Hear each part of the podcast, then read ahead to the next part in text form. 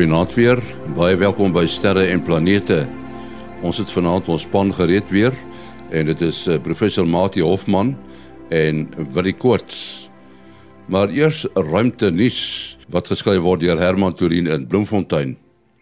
Onlangs is berig dat daar bewyse gevind is dat daar moontlik mikrobes in die atmosfeer van Venus kan bestaan. Nuwe inligting het intussen bekend geword. Dit blyk dat navorsers die teenwoordigheid van die molekule fosfien in Venus se atmosfeer bevestig het. Fosfien is 'n uiters giftige gas, maar dit maak deel uit van die asemhaling van mikrobes wat nie suurstof gebruik nie. Omstandighede op Venus is van so 'n aard dat dit nie as moontlik beskou word dat dit deur ander bekende metodes kon ontstaan nie. Nog meer inligting oor hierdie storie later in sterre en planete.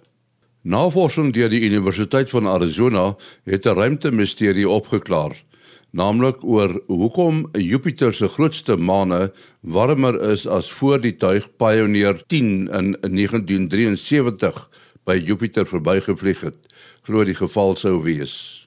Die vier grootste van Jupiter se 80 maane Io, Europa, Ganymede en Callisto is so warm dat 3 'n uh, oseaan onder die oppervlak het en die vierde so warm dat dit met vulkane oortrek is. Daar is lank geglo dat dit aan die gravitasiewerking van Jupiter self te danke is. Maar rekenaarmodelle het getoon dat vier maane se gravitasie nie genoeg is om dit alleen te vermag nie. Die gesamentlike werking van die vier maane se gravitasiewerking op mekaar is toe by die van Jupiter bygereken en die somme klop.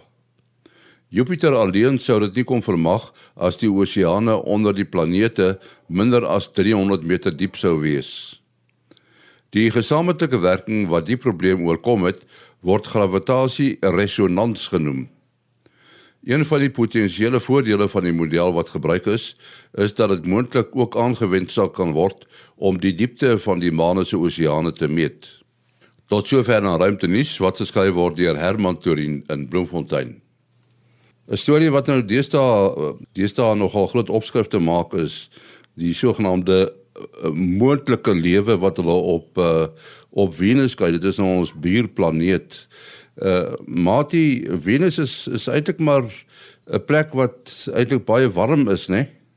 En ja, mense dink aan wat ons gehoor het van Venus en wat ons gelees het van Venus as nou waarskynlik die, on, uh, die onwaarskynlikste plek omtrent om na te gaan uh, uh gaan kyk om om lewe daar te vind.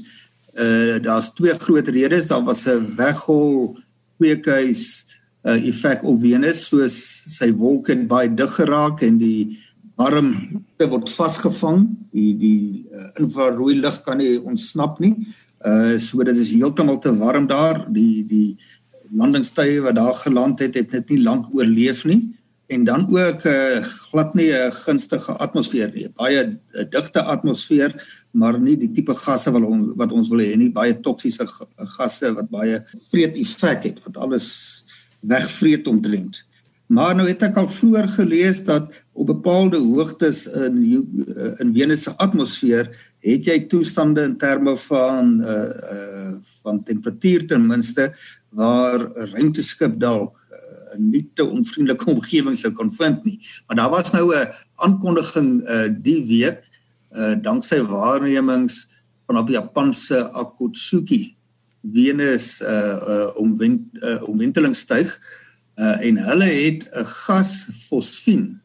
Ek hoop dis die regte Afrikaanse vertaling van fos uh fosfine. Het hulle daar ontdek nou dit is nie 'n uh, baie vriendelike gas nie, maar op aarde word dit onder andere geproduseer en dis die enigste meganisme wat hulle sê op 'n planeet soos die aarde bestaan om die gas te produseer uh deur anaerobiese bakterieë met ander woorde wat nou nie uh, suurstof gebruik om asem te haal soos uh, soos ons nie. Nou fos uh, gas uh, is basies 'n uh, fosfor atoom met drie waterstowwe pH3 nou dit is daar op bepaalde hoogtes in die wolke van Venus waargeneem deur die instrumente op hierdie Japanse uh, wenteltuig. Uh, nou toe ek nou die eerste item daarvan sien ons op een van ons eie WhatsApp groepe uh en daar dit dit is toe nou gedeel deur nie 'n hoogs bekende wetenskaplike of sterrekundige nie en die mense het dadelik baie skepties uh, gereageer teenoor enige iemand wat hierdie interpretasie dat dit moontlik op 'n uh, vorm van lewe daarso in die atmosfeer van Venus sou kon kon dui. Maar toe ek nou daar ook 'n artikel daarvan sien op National Geographic se uh, een webwerf, toe ek dit self bietjie ernstiger opgeneem want dit is daarom ons nou 'n toonaangewende tydskrif. En daar is 'n baie aanskoulike valskleur beeld in infrarooi verkry deur hierdie uh, Japaneese tuig uh, wat dan nou donker wolke wys. Nou die donker beteken basies baie kouer as die die helder wolke maar dit wys baie struktuur. En die amateursterrekundiges weet as mens na Venus kyk, alhoewel hy so geweldig helder vir die blote oog is, is maar 'n bietjie 'n teleurstelling deur 'n teleskoop omdat hy so klein is. Al is hy amper ons naaste planeet afhangende van waar Mars is, ehm um, is hy maar 'n klein sirkeltjie of 'n halwe of sirkel Venus. Die opwindendste ding van Venus omtrent deur 'n teleskoop is dat hy 'n fase toon en dis omtrent wat 'n mens sien. In sigbare lig sien mens nou maar net so 'n uh, baie wit helder atmosfeer sonder enige detail. 'n uh, Ruimtetuig met baie goeie hoë resolusie fotografie en sigbare lig sal wel 'n bietjie detail sien. So dis 'n baie interessante storie die ek ek dink jy mens kan 'n reuse die reuse sprong maak en sê wow, dis 'n baie sterk aanduiding dat daar 'n vorm van lewe is nie, maar ten minste uh, open dit 'n moontlikheid dat wat ondersoek moet word en ons gaan waarskynlik nog op, op baie van hierdie ontdekking hoor. Ja, miskien moet ons net sê dat eh uh, Venus is uh, die aandster en die aand natuurlik in die oggendster in die oggend, nê. Nee.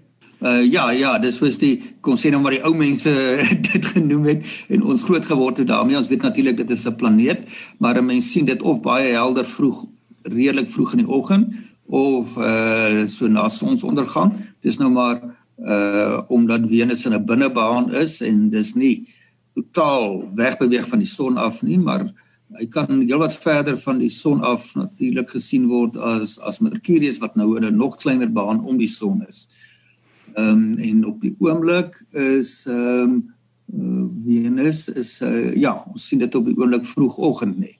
Ehm um, Mars, as ek, as ek sommer so aan die ander planete dink, Jupiter en Saturnus is vroeg aand en Mars kan mens van laat aand af sien hier so na 10 uur en uh, Venus is dan nou vroegoggend.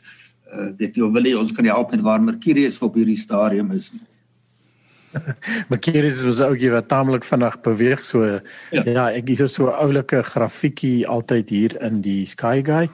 So dit is altyd my vinnige vinnige enetjie waar ek na toe spring so dat ek gou vinnig kyk hier so ja. ons is nou middel September.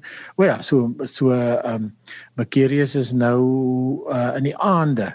Ja, Mercurius behoort nou behoort nou ehm um, nogal uh, vroeg aand nog sigbaar te wees. Maar hy is definitief net kort na son onder want omdat Mercurius die naaste aan die son is, is hy altyd die naaste planeet aan die son is hy ook altyd die naaste aan die son fisies in die, in die naghemel. So Mercurius ehm um, beweeg nooit meer as iets soos 25 30 grade weg van die son af nie. Uh Venus kan omtrent so 45 grade weg van die son af beweeg. Ja, so uh, Mercurius is nog al 'n uh met maar 'n aansterretjie op die oomblik. Ons het hier 'n brief gekry van Barry Strauss, uh, Barry woon in Viljoenskroon. Hy sê soos bekend is, het al die planete in ons sonnestelsel 'n baan om ons son.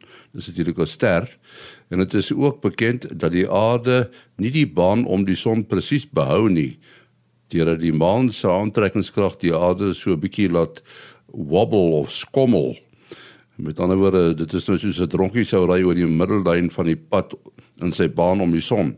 Nou sy vraag dat indien die planete in ons sonnestelsel in 'n lyn sou optrek, dit ook die son sou laat wobble in sy baan in ons sterrestelsel en dan verder gevat sou die sterrestelsels ook skommel uh om wat ook al hulle wentel.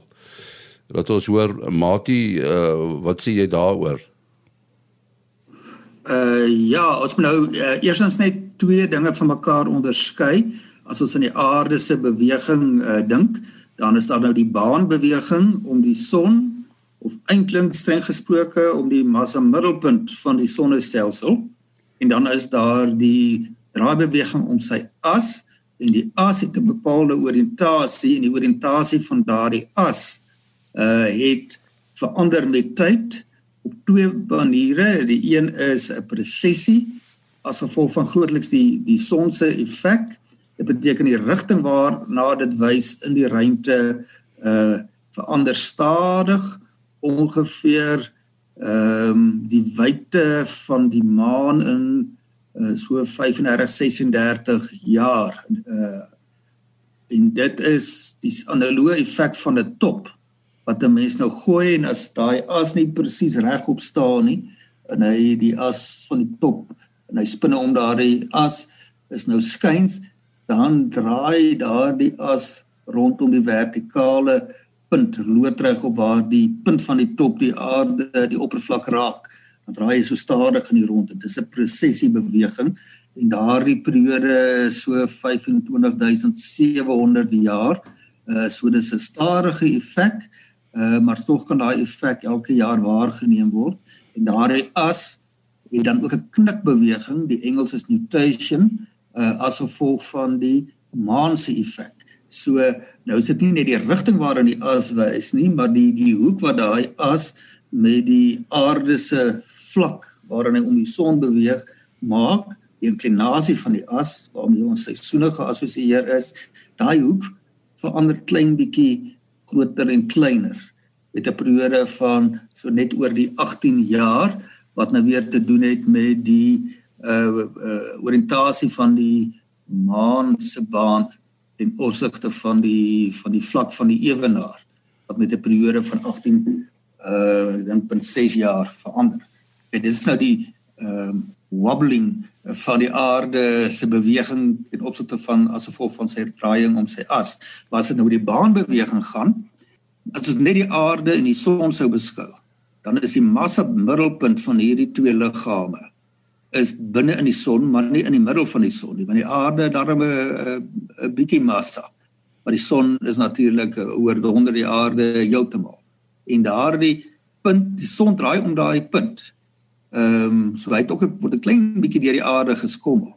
Nou die Jupiter is meer as 300 maal meer massief as die aarde en as ons die son en Jupiter sal beskou, dan is hulle massa middelpunt ehm um, net buite die son. So dit is 'n uh, bietjie meer as 1,5 miljoen kilometer vanaf die middel van die son. Uh so daardie beweging van die son om daai punt net wat Jupiter sonstelsel betref is uh baie meer uh noemenswaardig. Maar nou kan ons nie regtig die son in een ander liggaam isoleer nie. Al die planete draai om die son en partykeer mag hulle aan die in die uh, soos Barry voorstel in die almal in dieselfde in een rigting wees en dan gaan beslis die massa middelpunt van die sonnestelsel. Hulle praat ook van die Barry Center. Terwyl die die die, die brief kom ons van Barry af nê. Nee. Uh so ek kan nou sommer daardie daardie naam onthou. Is dan buite die son, maar party as die planete na verskillende kante van die son wees, dan sal die massa middelpunt weer binne in die son wees. In elk geval hierdie rondskuif van die massa middelpunt op daardie senter ten opsigte van die middelpunt van die son maak dat die son so bietjie rondskommel en dit het nogal 'n effek op die die klimaat van die son, die son se aktiwiteit met 'n periode wat daarmee verband hou so bietjie weer vir Kobus onkers vra om vir ons daardie effekte te te verduidelik. Ehm um, dink die werklike diepsinnige verduideliking daarvan is nie iets wat ek gaan nou aanpak nie.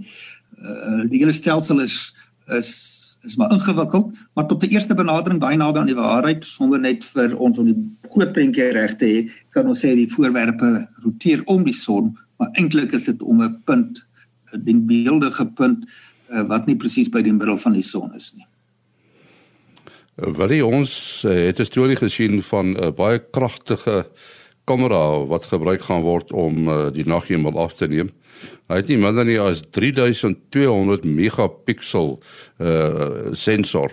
So dit moet 'n taamlike kragtige affære wees, nie? Ja, want as jy dit nou as jy jou komma skuif dan is dit 3.2 gigapixel, nê? Nee, uh maar jy sê dit is 200 megapixel. Dit is dit is dis net ongelooflik. Ja, soos jy sê, dit is ehm um, dit gaan die die die grootste kamera sover ooit wees en ehm um, en dit dit gaan ook dan op die sogenaamde LSST uh teleskoop wees ehm um, Large Synoptic uh Survey Telescope ehm um, wat uh, in Chile uh, besig is om gebou te word. Ehm um, die teleskoop behoort so 2022 2023 klaar te wees. Deesdae maak hulle mos vreeslik van hierdie ingenieurswese gebruik waar jy die die um, vreeslike beplanning doen en en elke ding word dan op sy tyd uh, uh beplan en sodat hulle alles uiteindelik gaan gaan bymekaar kom. So die kamera was nou in die stadium waar hulle nou die eerste keer uh, die die detektore aangeskakel het en um, en hulle eerste beelde in die laboratorium gekry het.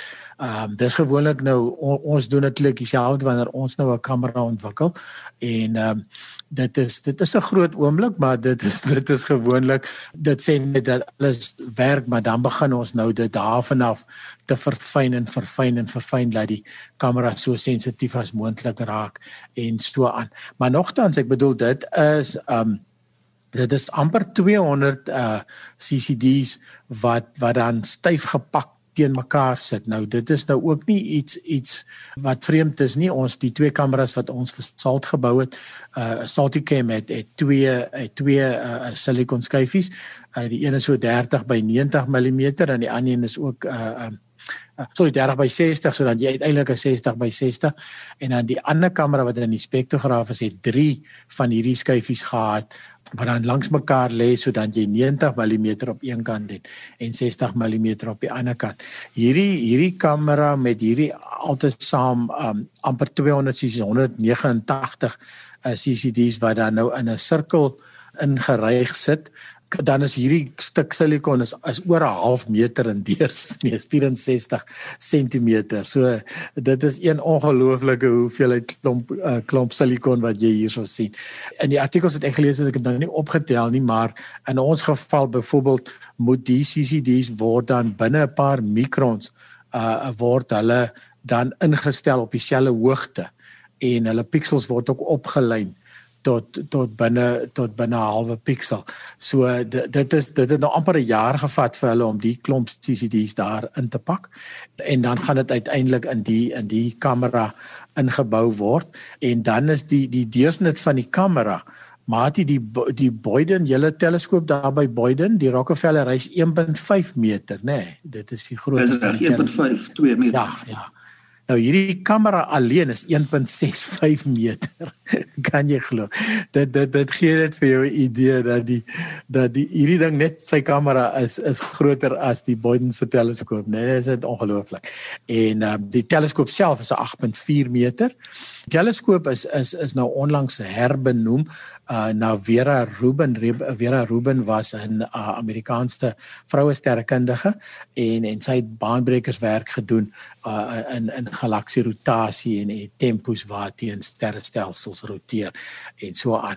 So dit is nou in in eer in in ter ere van van haar want uh die geskiedenis het gewys dat dat vrouens is nie is nie voorheen vreeslik of genoeg vereer vir eintlik baanbrekerswerk wat hulle gedoen het. Ja, so baie baie opwindende uh stelsel ek hoor uh, gereeld in praatjies by ons by die sterrewag dan vir my verwys mense na die LSST.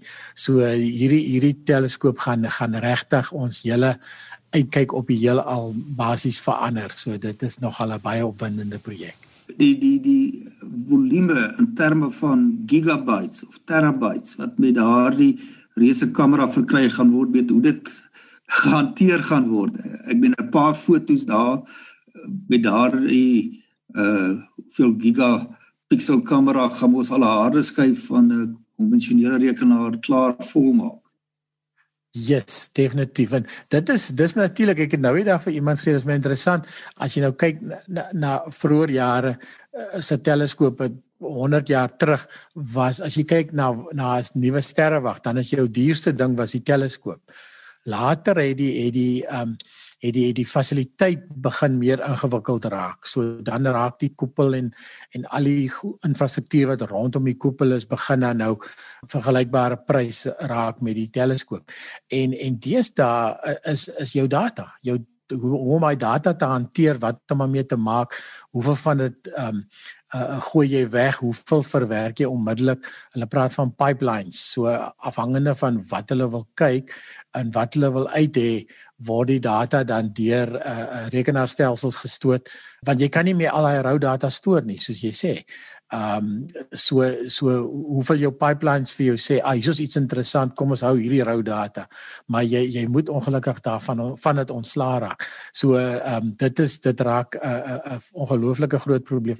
En en sogenaamde Bouts law, dit is dan wat altyd uh, ons is altyd uh, toe die SKA gebou is, het het hulle gesê dat teen die tyd dat die SKA klaar gebou is, dan behoort die rekenaars in te haal met die met die tegnologie. Maar Bouts law het het dit is 'n grafiek van hoe die die tempo waarteen rekenaar tegnologie verdubbel en verbeter en vinniger raak het nou afgeplat. So want dis net jy kan jy kan net elektroniese komponent so klein maak. Um en en nou begin die elektrone wat daar rond beweeg al al uh, uh, uh, die die die die spasie van die van die van die silikon uh, uh, skyfies en en transistortjies en goeders begin te op te neem. Ja, so dit is net ongelooflik wat jy met hierdie data gaan maak en hoe jy dit gaan hanteer. Dit is heeltemal 'n projek op sy eie kan jy amper sê. Hier is 'n brief van Morney Douglas, uh, Mati, hy kom daar uit jou dorp uit. Hy het 'n vraag oor dubbelsterre in ons Melkweg. En hy vra of dit moontlik is om hulle ontwenteling om mekaar met 'n teleskoop of verkyker te sien of is die ontwenteling tye eenvoudig te lank en ver en is naby sterre so Sirius al helder genoeg om so iets te kan sien en sulke nabygeleë sterre. Ehm um, nee, ja, dit is 'n goeie vraag vir iemand in Bloemfontein uh om te vra want die ou sterrewag bo op Neville Hill, uh, die Lamontasie sterrewag was gestig vir presies daardie doel om dubbelsterre uh waar te neem en hulle beweging om mekaar waar te neem. Maar dit is bedoel vir mense wat baie geduldig is. Dit vat uh jare in die meeste gevalle om een omwenteling uh waar te neem. As ek nou dink aan uh die stelsel van Alpha Centauri 1 en Alpha Centauri 2, dis nou die maklikste dubbelster om in 'n teleskoop te sien. Uh daar's nie een 'n binêre sterstelsel wat mens sommer met die blote oog kan sien nie. Alhoewel hulle sê die sonmense uh, kon Alpha Centauri 1 en Alpha Centauri 2 van mekaar onderskei maar dit klink amper te goed om uh, waar te wees. En in in daai geval dink ek is die omwentelingsperiode in omgewing van 60 jaar en dit word inderdaad bestudeer uh vir daar's duisende van hierdie stelsels. Weet hier op uh, Nebulus 'n hele klompie duisende van hierdie binêre stelsels vir die suidelike uh, sterrehemel is ontdek.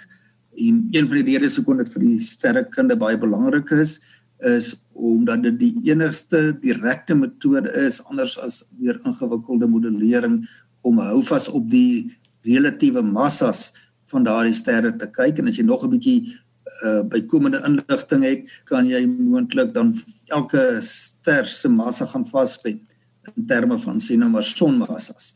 En as jy nou eers die massa van 'n ster het, uh plus jy weet wat sy kleure is en wat sy temperature het, dan val baie ander dinge uh in plek. Ja, so uh dit is 'n belangrike studie rigting en dit word ook al vir 'n hele klompie ja, meer as 'n uh, ja wat meer as 'n eeu word dit beoefen. Ja, en en daar is natuurlik ehm um, soos jy nou sê ja, jou dubbelsterre wat jy fisies die twee komponente kan sien. Hulle wentelperiode om mekaar is natuurlik baie lank soos jy gesê het 60 of 80 jaar nie. In die geval van Alpha Centauri byvoorbeeld, ehm um, daar is natuurlik ehm um, dubbelsterre uh, wat jy nie die twee komponente kan split nie, maar jy kan wel met die blote oog van hulle kan jy die die verandering in helderheid sien. En wat dit in die geval is, is twee sterre wat baie na mekaar wentel en by tye dan dan draai die dan beweeg een voor die voor die ander ene in. En uh om die waarheid te sê daar is 34 uh, van hulle wat wat ten minste magnitude 4 en en en helderder is en en dan 24 van hulle um, op 'n helder stadium is hulle wel met die met die blote oog uh sigbaar. So een van hulle is Algol. Algol is so half 'n die die token dubbel uh, of veranderlike ster wat mense met die oog ontdek het en hy uh, uh, beweeg van magnitude net so 2 uh, tot omtrent 3 uh, 2.1 tot 3.4 en en dan vir 2 ure elke amper 3 dae 2.87 dae.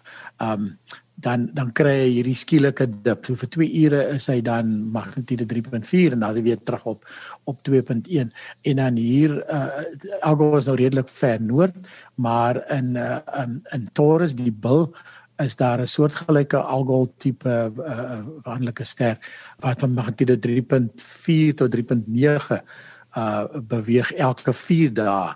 Uh die geval hou die hou die uh verduistering noem dit nou maar vir 14 ure aan.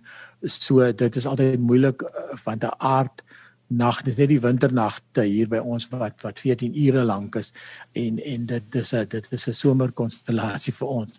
So ehm um, ja, so daar's 'n hele klompie van hulle wat dan wel met die blote oog sigbaar is, maar in die geval is die komponente so naby mekaar dat jy hulle nie sal kan split in 'n teleskoop byvoorbeeld nie. Jy sien net die effek van uh, van die ligverandering, van ligkurwe.